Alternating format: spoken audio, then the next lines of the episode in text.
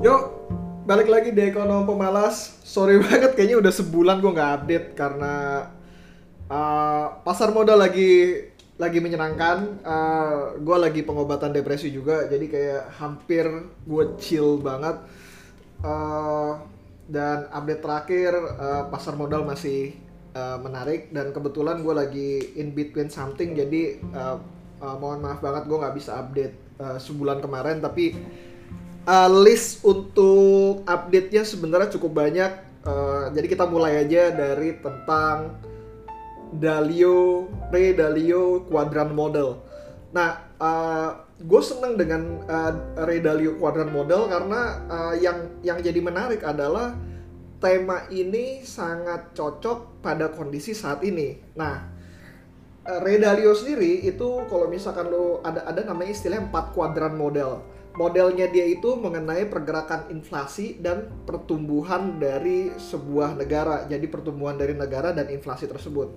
Inflasi bisa bertumbuh, uh, GDP pertumbuhan negara, gue bilangnya GDP aja ya. GDP itu bisa uh, bertumbuh atau dia bisa uh, turun. Nah yang kita ngomongin dari GDP ini adalah pertumbuhannya ya bukan dari apakah GDP itu bakalan negatif which is emang udah jelas-jelas jatuh tapi ap apakah pertumbuhannya terhambat? Jadi kayak misalkan uh, Indonesia uh, pertumbuhannya 5% 6% something like that.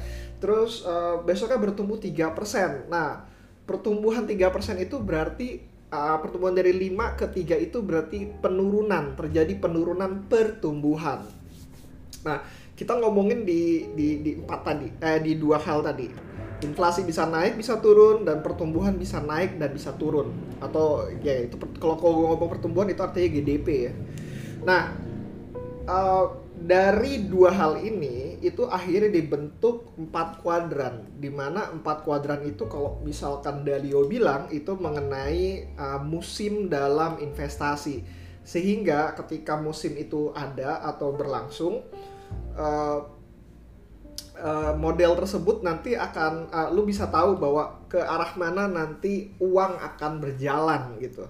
Uh, don't worries, gue bakalan taruh linknya di mana berisi sebuah gambar yang mungkin kalian bisa lihat dan lebih dimengerti dibanding uh, apa yang gue ucapkan sekarang gitu ya.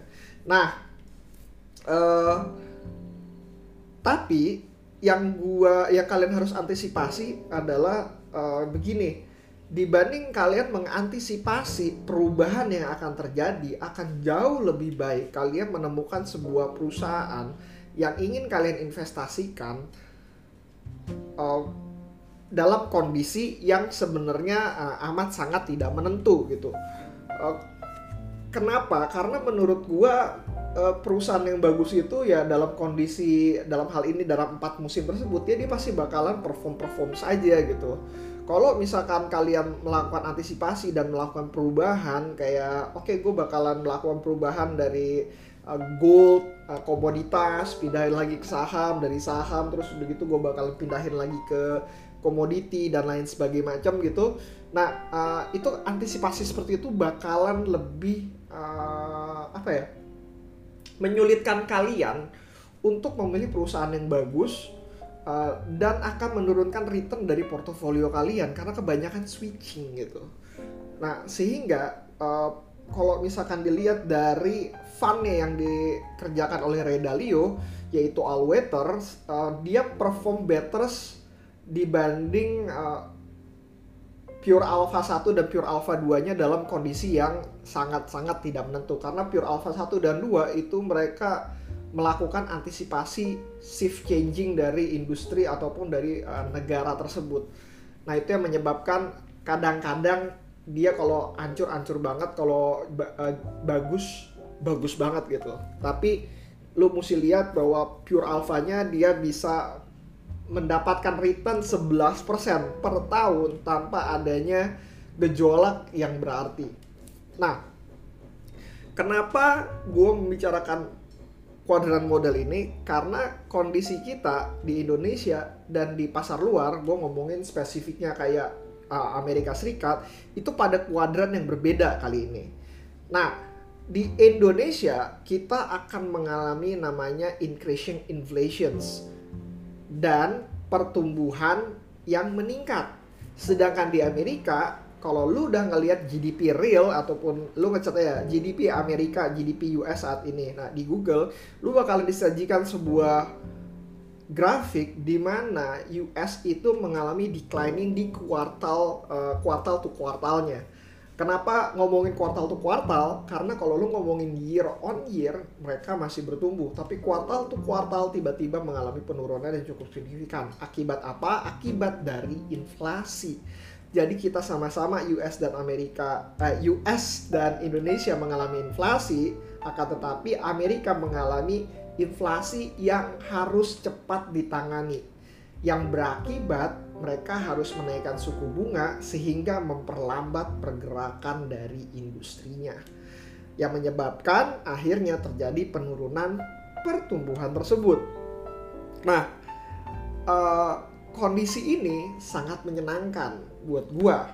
Kenapa? Kalau misalkan dilihat dari kuadran model ini, kalau terjadi namanya increasing growth dan increasing inflations, maka lu harus berinvestasi pada beberapa hal ini. Pertama adalah equity, commodity, sama bond.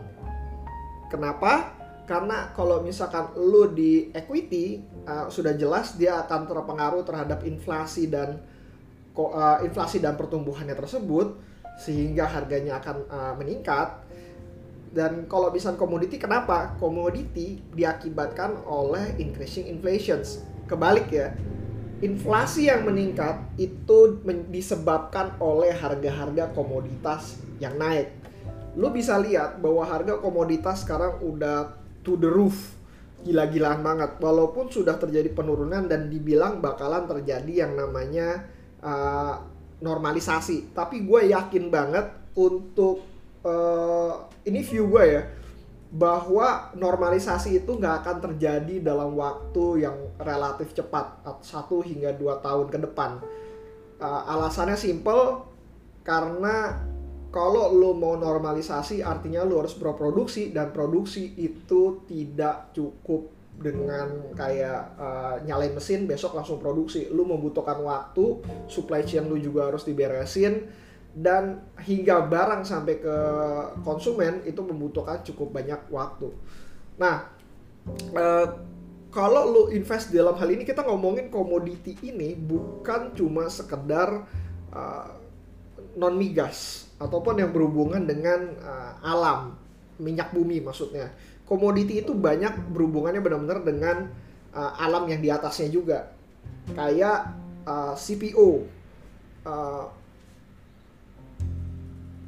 gandum, CPO, gandum, wet, wet, terus uh, apa lagi, biji-bijian, terus ya apa pun itulah. Nah, hal tersebut yang menyebabkan inflasi sehingga lu ngomongin bahwa komoditas ya lu pegang komoditasnya. Uh, proxy paling dekat buat gua untuk megang komoditas tentu saja di pasar modal. Jadi gua harus cari komoditas yang benar-benar bisa menaikkan harga, menaikkan produksi tanpa harus uh, dan mempass nya ke konsumen tanpa harus uh, deploy kapital yang cukup tinggi. Nah itu yang harus dicari. Kalian bisa pilih apa pun, tapi gue ngerasa hampir semua jenis saham komoditas saat ini murahnya gila-gilaan. Nah itu yang pertama. Yang kedua adalah kalau misalkan ngomongin di US, karena terjadinya decreasing growth, equity, mereka meninggalkan equity, mereka datang ke komoditi, dan mereka meninggalkan yang namanya bond. Jadi kalau misalkan lo ngecek di Indonesia, bond market kita out, equity kita out.